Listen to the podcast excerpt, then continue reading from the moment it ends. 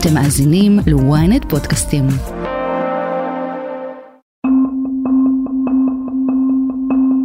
הנתונים של הלשכה המרכזית לסטטיסטיקה בשבוע שעבר על העלייה בתעסוקת גברים חרדים התקבלו בשמחה רבה והרבה פרשנויות סותרות שכל אחד ניכס לתפיסת העולם שלו או לממשלה המועדפת עליו.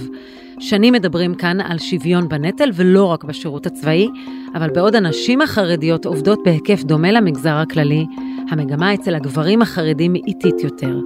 כשמשק הבית עני יותר ואמור להכיל יותר פיות, קשה להסביר איך בכל זאת מקיימים משפחה ואפילו קונים דירה. אז לפני שנרוץ למסקנות על הון שחור ותנאי משכנתה מיוחדים וגמישים לחרדים, בואו ננסה להבין איך הכלכלה החרדית באמת עובדת. אני שרון קידון, וזאת הכותרת. במאי האחרון, בעקבות ההבטחות הקואליציוניות של הממשלה, הגיש אגף התקציבים של האוצר דוח על פיו אובדן התוצר מאי תעסוקת חרדים עד שנת 2065 נאמד ב-6.7 טריליון שקלים. כן, אתם שומעים טוב. האתגר של תעסוקת החרדים מעסיק רבות את הכלכלנים וגם משתקף בדוחות האיחוד האירופי. אבל ממש בשבוע שעבר מדווחת הלשכה המרכזית לסטטיסטיקה כי דווקא עכשיו, בממשלה שמיטיבה ומחלקת קצבאות לחרדים, אנחנו רואים סוף סוף עלייה של 2.5% בתעסוקת גברים חרדים. האם אלו פירות של עבודת ממשלת השינוי? האם התרבות החרדית משתנה? או שזה פשוט יוקר המחיה שמשפיע? מה שברור שאם משק בית חילוני לא בטוח איך הוא גומר את החודש, איך החרדים מסתדרים כלכלית, זה בכלל תמוה. שחר אילן, כתב ופרשן בכלכליסט, מנסה להסביר לנו את הנתונים. בואי נתחיל בזה שהחצי מהגברים החרדים, קצת אה, פחות מחצי, לא עובדים בכלל, כלומר הם בישיבה ולכן הם מקבלים אה, בעיקר אה, קצבת אברך שהיא כמה אלפי שקלים, ו-80% מהנשים החרדיות עובדות, אבל גבר חרדי משתכר חצי בממוצע מגבר יהודי לא חרדי. זה אומר שגבר חרדי משתכר 9,700 שקל בממוצע וגבר יהודי חרדי משתכר בערך 19,000. אישה חרדית משתכרת בממוצע שני שליש מאישה יהודייה לא חרדית, ואנחנו יודעים שנשים יהודיות משתכרות הרבה פחות מגברים. אז הסך הכל הוא של לפחות הכנסה רשמית אה, מאוד מאוד נמוכה. התוצאה של זה היא משק בית יהודי לא חרדי משלם יותר מפי שלוש מיסים ממשק בית חרדי, זה חשוב מאוד כי בעצם זה אומר שההשתתפות בשירותים של משק בית יהודי לא חרדי היא הרבה יותר גדולה, ואם אתה מחלק את זה לנפשות, אז זה יצא פי 6 ופי 8, תלוי בסוג המס, וקבלת ההטבות וקצבאות של משק בית חרדי גדולה בערך פי אחד וחצי משל משק בית לא חרדי. עכשיו, בציבור החרדי נפוץ מיתוס שלפיו כן, אנחנו משלמים פחות מס, מס הכנסה, אבל, אבל אנחנו משלמים יותר מיסי קנייה ומיסים עקיפים. זה כמובן לא יכול להיות טכנית, מהסיבה הפשוטה שמי שמשתכר כל כך מעט לא יכול להוציא על מיסים עקיפים כי אין לו. אז המשפחות החרדיות הן עניות יותר לפי הנתונים הללו, אבל מצד שני אנחנו רואים את הכלכלה היומיומית מתנהלת כרגיל, גם כשיוקר המחיה עולה ולא מצליחים להבין איך זה עובד. אולי מה שמסביר את הפער זה כסף שחור שאנחנו לא רואים בנתונים הרשמיים, אבל קיים בשטח, כסף שהמדינה בעצם מוותרת עליו? ברור שגם הכלכלה החרדית, גם הכלכלה הערבית, שתי כלכלות סגורות, מנוהלות גם עם כסף שחור. זו שאלה מאוד משמעותית, אבל השאלה היא כמה למס הכנסה או לרשויות המס משתלם לרדוף אחרי הכסף השחור הזה, ולמה אני מתכוון? נניח למשל שאברך תופעה שקורית אני מניח לא מעט, עושה כל מיני uh, קומבינות בצד, נניח עושה הסעות בבוקר, או כותב ספרי תורה בשעות הפנאי, ויש את הפסוק הידוע שספרי תורה נכתבים בשחור, שהוא פסוק עם שתי משמעויות, והוא עושה את זה כי הוא לא רוצה לוותר על ההטבות, הוא לא עושה את זה כי הוא היה משלם מס הכנסה, כי הוא לא היה משלם כמעט כלום מס הכנסה על הכסף הזה. הוא עושה את זה כי הוא לא רוצה לוותר על כל ההטבות האחרות שתלויות בזה שהוא ירוויח מעט. כמה משתלם לרשויות המס לרדוף אחרי זה, כלומר כן, זה לא בסדר, הוא מקבל הטבות שלא מגיעות לו, אבל היכולת שלך להילחם בזה היא נורא מוגבלת. כן, מדי פעם יתפסו מישהו שמקיים עסק שלם בשחור, כן, יש פה תופעה שמאוד מקוממת, כמו שראינו בשבוע שעבר, כשפורסמו הטפסים של איך מקבלים משכנתה ואיך אה, בעצם מדווחים על הכנסה לא רשמית לבנקים בדרך עקיפה, זה מאוד קומם, זה מאוד מעצבן, בייחוד בימים אלה שבהם החברה הלא חרדית נורא כועסת על החברה החרדית, על ההשתתפות שלה בהפיכה המשטרית, אבל האם באמת יש משהו דרמטי לעשות כדי שהחרדים אה, ישלמו יותר מיסים? התשובה היחידה היא, צריך לשכנע את החרדים שהמדינה היא גם שלהם. כי יש מחקר מלפני לא די הרבה שנים שבדק למה בני ברק לפני 30 שנה פשטה את הרגל, זמן שביתר עילית התנהלה פחות או יותר תקין. אבל התשובה של המחקר הזה הייתה, כי בביתר עילית הם הרגישו שזה שלהם, אז הם היו הרבה יותר אחראים ב- ביחס לכספי העירייה. החרדים צריכים להבין, ואנחנו צריכים לשכנע אותם, שהמדינה היא יותר, היא כבר לא הפריץ, היא לא של מישהו אחר. הם כל כך גדולים, שהם חלק מהנהגת המדינה, והם צריכים להיות חלק ולא לשלוח את הפוליטיקאים שלהם להביא תקציבים, כי המדינה היא של מישהו אחר.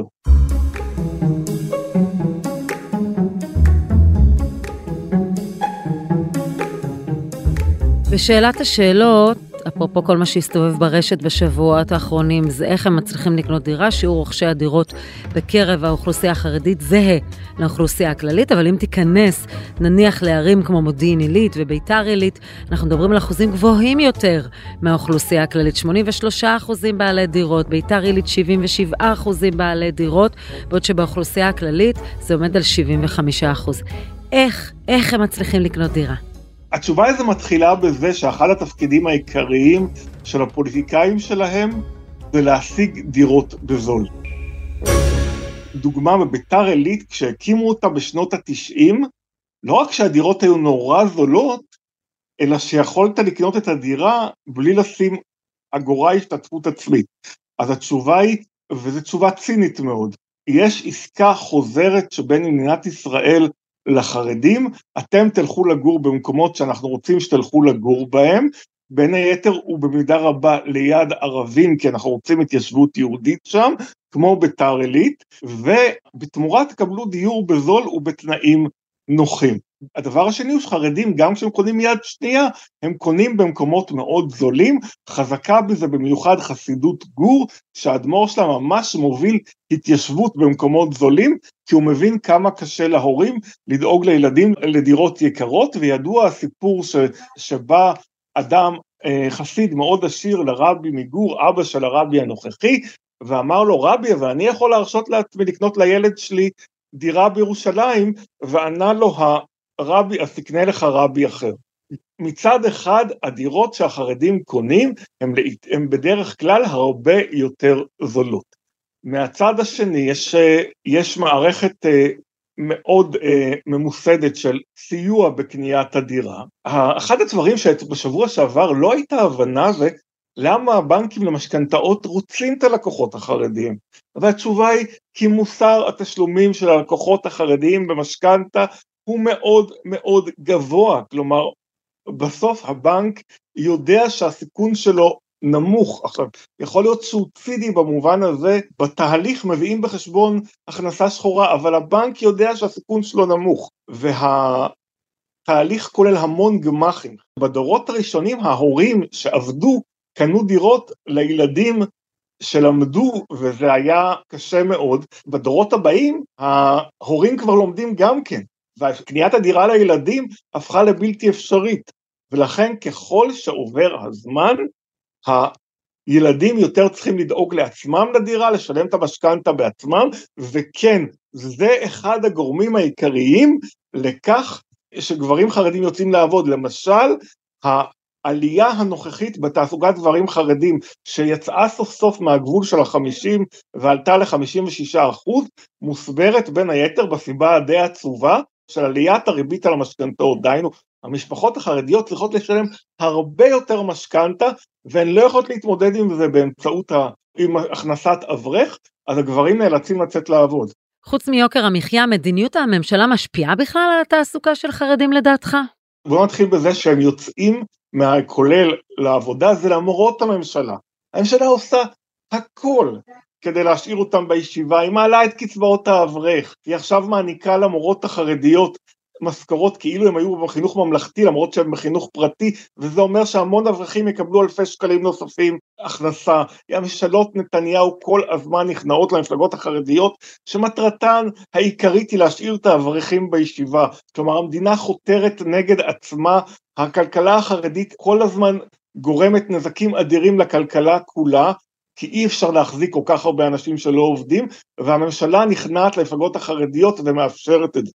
כשהם יוצאים לעבוד, זה קורה בשתי אפשרויות, אחת, כמו שראינו ב-2003 כשנתניהו קיצץ את קצבאות הילדים, אז הקיצוץ של הקצבאות יכול לגרום לגברים חרדים לצאת לעבוד, ואופציה אחרת שאנחנו רואים, משבר כלכלי פוגע דבר ראשון במשפחות החרדיות, צריך לזכור, המשפחות החרדיות אולי מקבלות הרבה מאוד כסף מהמדינה, אבל הן עדיין נורא עניות, והן חיות על הקשקש, כלומר המשבר, המשבר בקצבאות יפגע בהן ראשונות, ואז צריך לדון בשאלה הבאה, מה קורה כשהם יוצאים לעבוד, כי הסיפור העצוב באמת הוא שבגלל שהגברים החרדיים לא לומדים חשבון, לא לומדים אנגלית, זה דברים שנורא קשה להשלים כשהם גדולים, הם מרוויחים נורא מעט. המטרה שלנו צריכה להיות, וכשהם יוצאים לעבוד הם ירוויחו הרבה, ואז גם יהיה הרבה יותר משתלם לצאת לעבוד.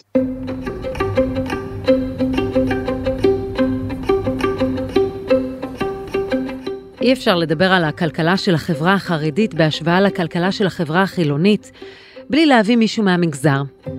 אז הרמנו טלפון עד לאוניברסיטת קיימברידג' באנגליה, ושוחחנו עם דוקטור שמכירה היטב את שני צידי המטבע. הודעה קצרה, ומיד חוזרים עם הכותרת. בזמן שאתם שוטפים כלים, סיימתם עוד פרק בספר. עברית חדש באפליקציית עברית, ספרים קוליים, דרך חדשה לנצל את הזמן ולהפוך את השגרה לחוויה מרתקת.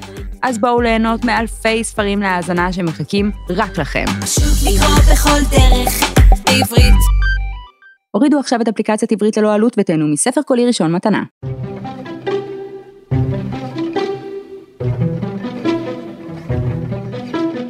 שלום, קוראים לי נחומי יפה. אני חברת סגל באוניברסיטת תל אביב במחלקה מדינית ציבורית ומנהלת מכון מחקר, זה מכון נתוני אמת. אני גדלתי בחברה החרדית והמשמעות של הדבר הזה זה שבתור מי שגדלה ומבינה את הניואנסים ובעצם הגיעה לאקדמיה בשלב מאוד מאוד מאוחר, אני בגיל 36 הגעתי לאוניברסיטה בפעם הראשונה, זה אומר שכשאני עושה מחקר אני אוחזת בראש את המשקפיים המחקריות הביקורתיות, הרחבות, שרואות את הדברים כפי שהם משתקפים בעולם גדול שלא מחויב לסיפור החרדי ולא מחויב לקונטקסט החרדי.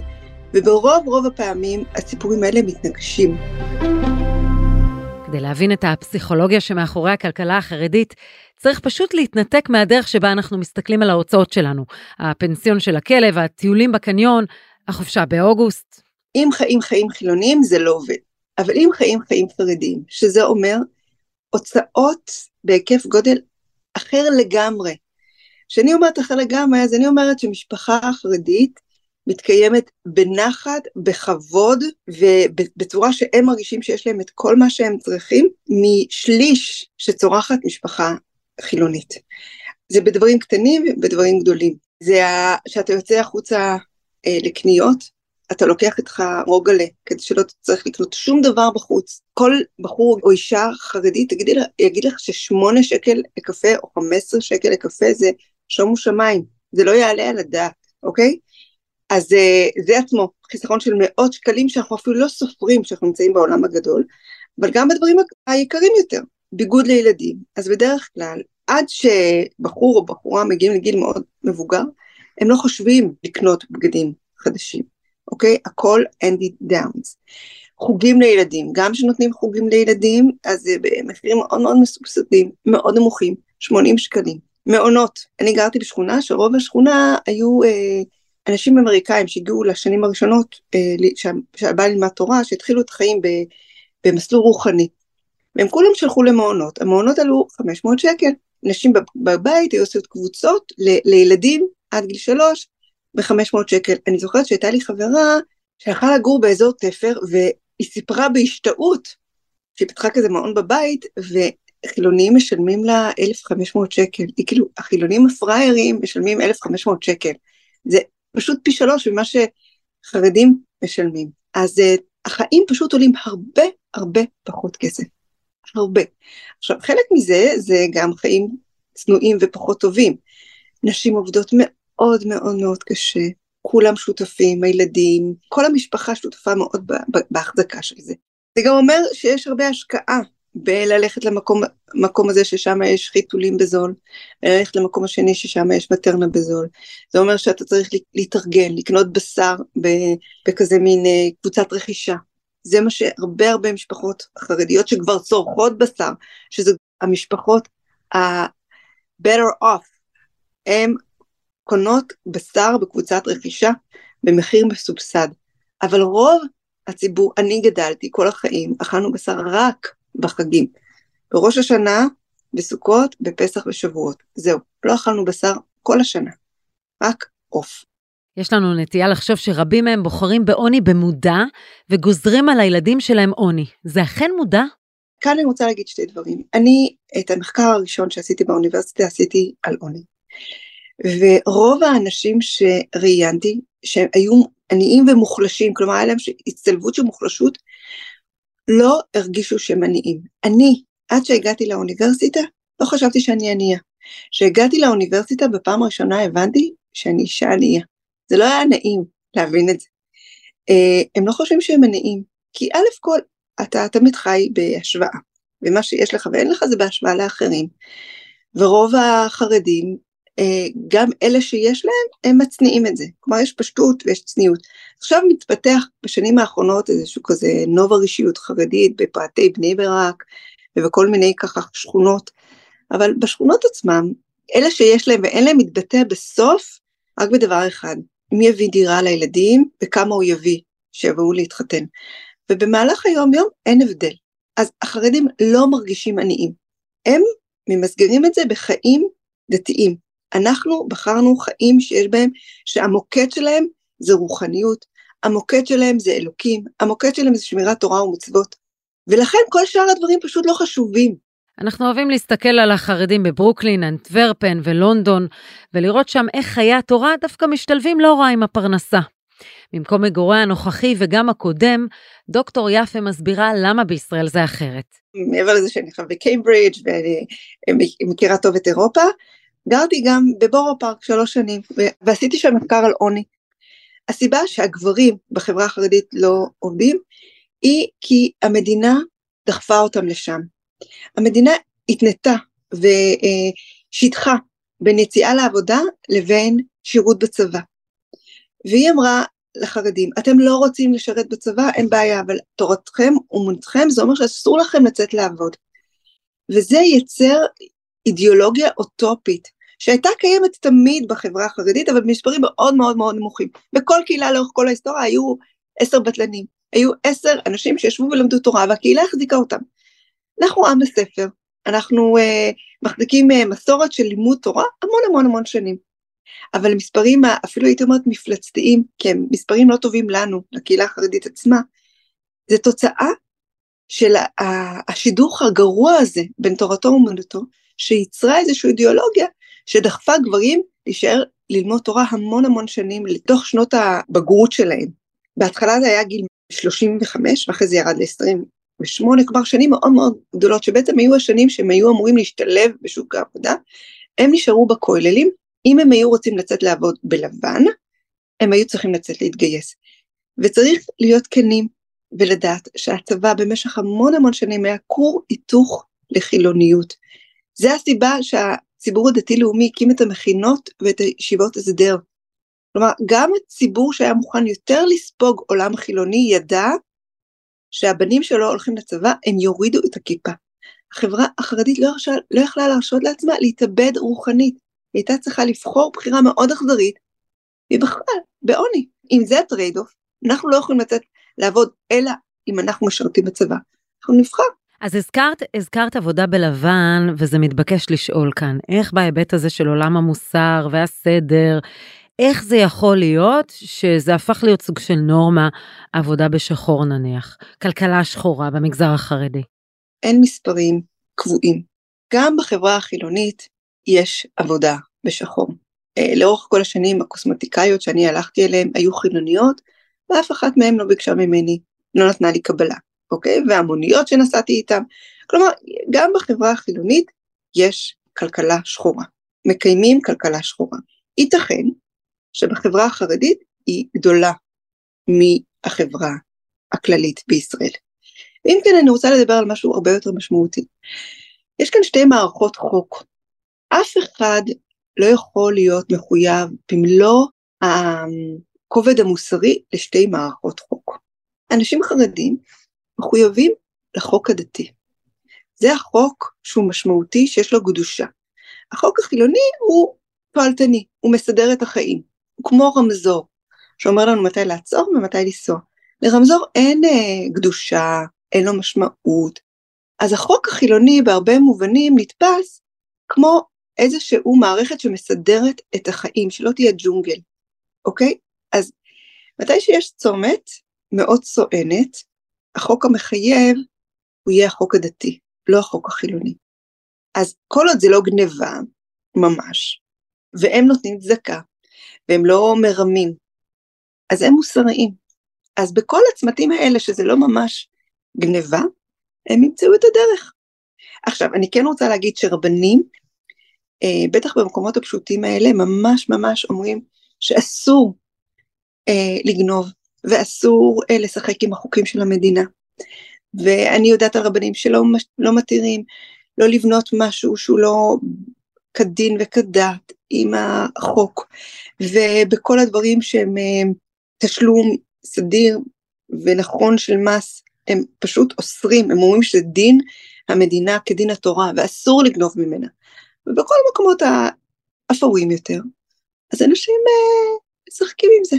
בואי תנסי להסביר לנו במונחים שלנו כשאנחנו רואים את אה, אחוז הבעלות על דירות שהוא גבוה מאוד כמו במגזר הכללי עם יכולות פיננסיות נמוכות יותר, למה כל כך חשוב לחרדים להיות הבעלים של הדירה?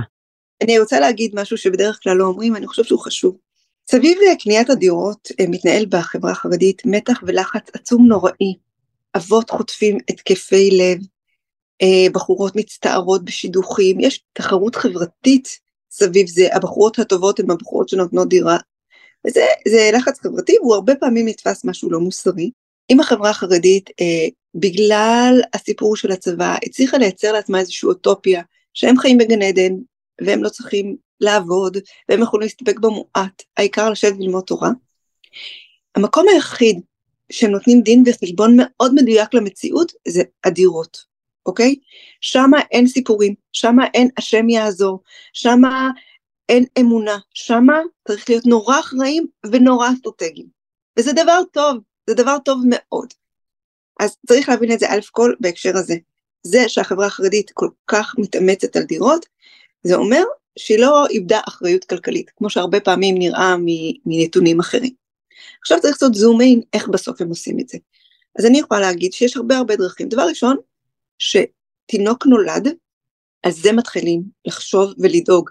זה כמו שבעולם הכללי ידאגו להשכלה, וינסו לחשוף אותו לאנגלית בגיל מאוד צעיר, וייתנו לו חוגים, ויחסכו לו בזמן בצד האוניברסיטה, ככה חוסכים לדירות. אבל עושים את זה הרבה יותר אסטרטגי.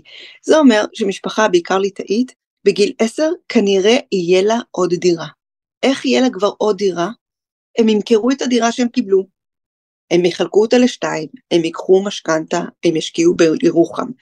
הם ימכרו את הדירה בירוחם, הם יקנו בעפולה, הם ימכרו בעפולה, הם יקנו בצפת, הם יקרו בצפת, הם יתקרבו לאשדוד, למרכז הארץ.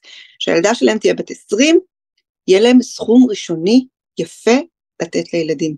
זה משחק מדהים, שלי היה ילד בן 10, לחברות שלי על ידי היו כמה דירות. לנשים האלה מסביבי לא היה עוזרת, הם לא הלכו למסעדות, הם לא נסעו לחופשות, הם לא לקחו מוניות.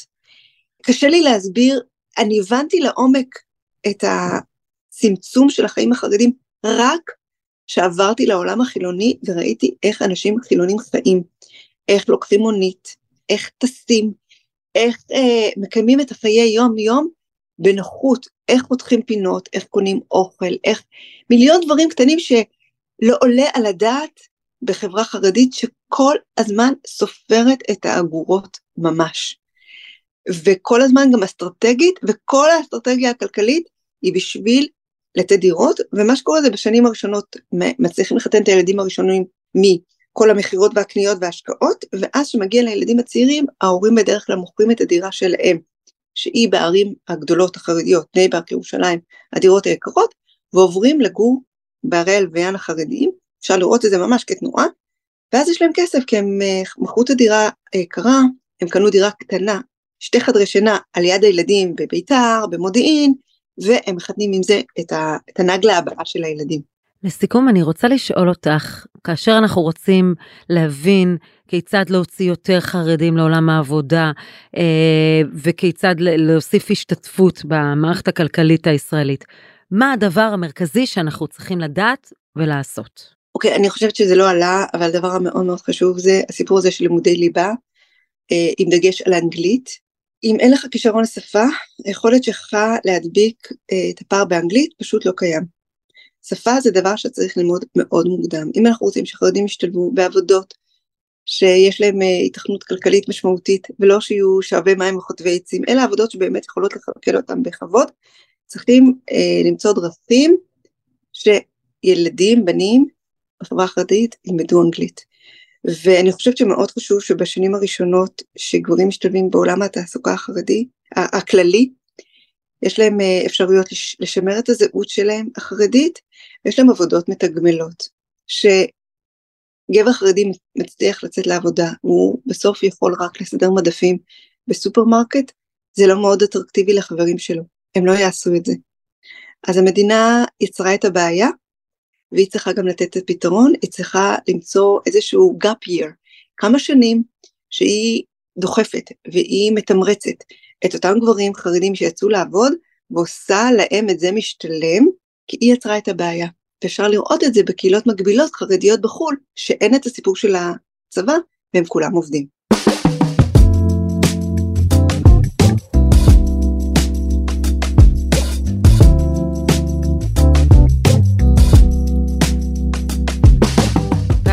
הכותרת להפעם. תודה לכתב ופרשן כלכליסט שחר אילן ולדוקטור נחומי יפה. אתם מוזמנים לעקוב אחרינו בוויינט, באפליקציה, בנייד וגם ברכב או איפה שאתם שומעים את הפודקאסטים שלכם. אם זה קורה באפל או בספוטיפיי, אתם מוזמנים לדרג אותנו או להגיב. בינתיים אני מציעה לכם להאזין לפרק נוסף שלנו על החברה החרדית. חפשו את הפרק המוציא חרם מן הארץ. איתי בצוות הכותרת טל זרביב וקובי נחשוני, תחקיר הפקה ועריכה גיא סלם ועדן דוידוב. אני שרון קידון, ניפגש בפעם הבאה.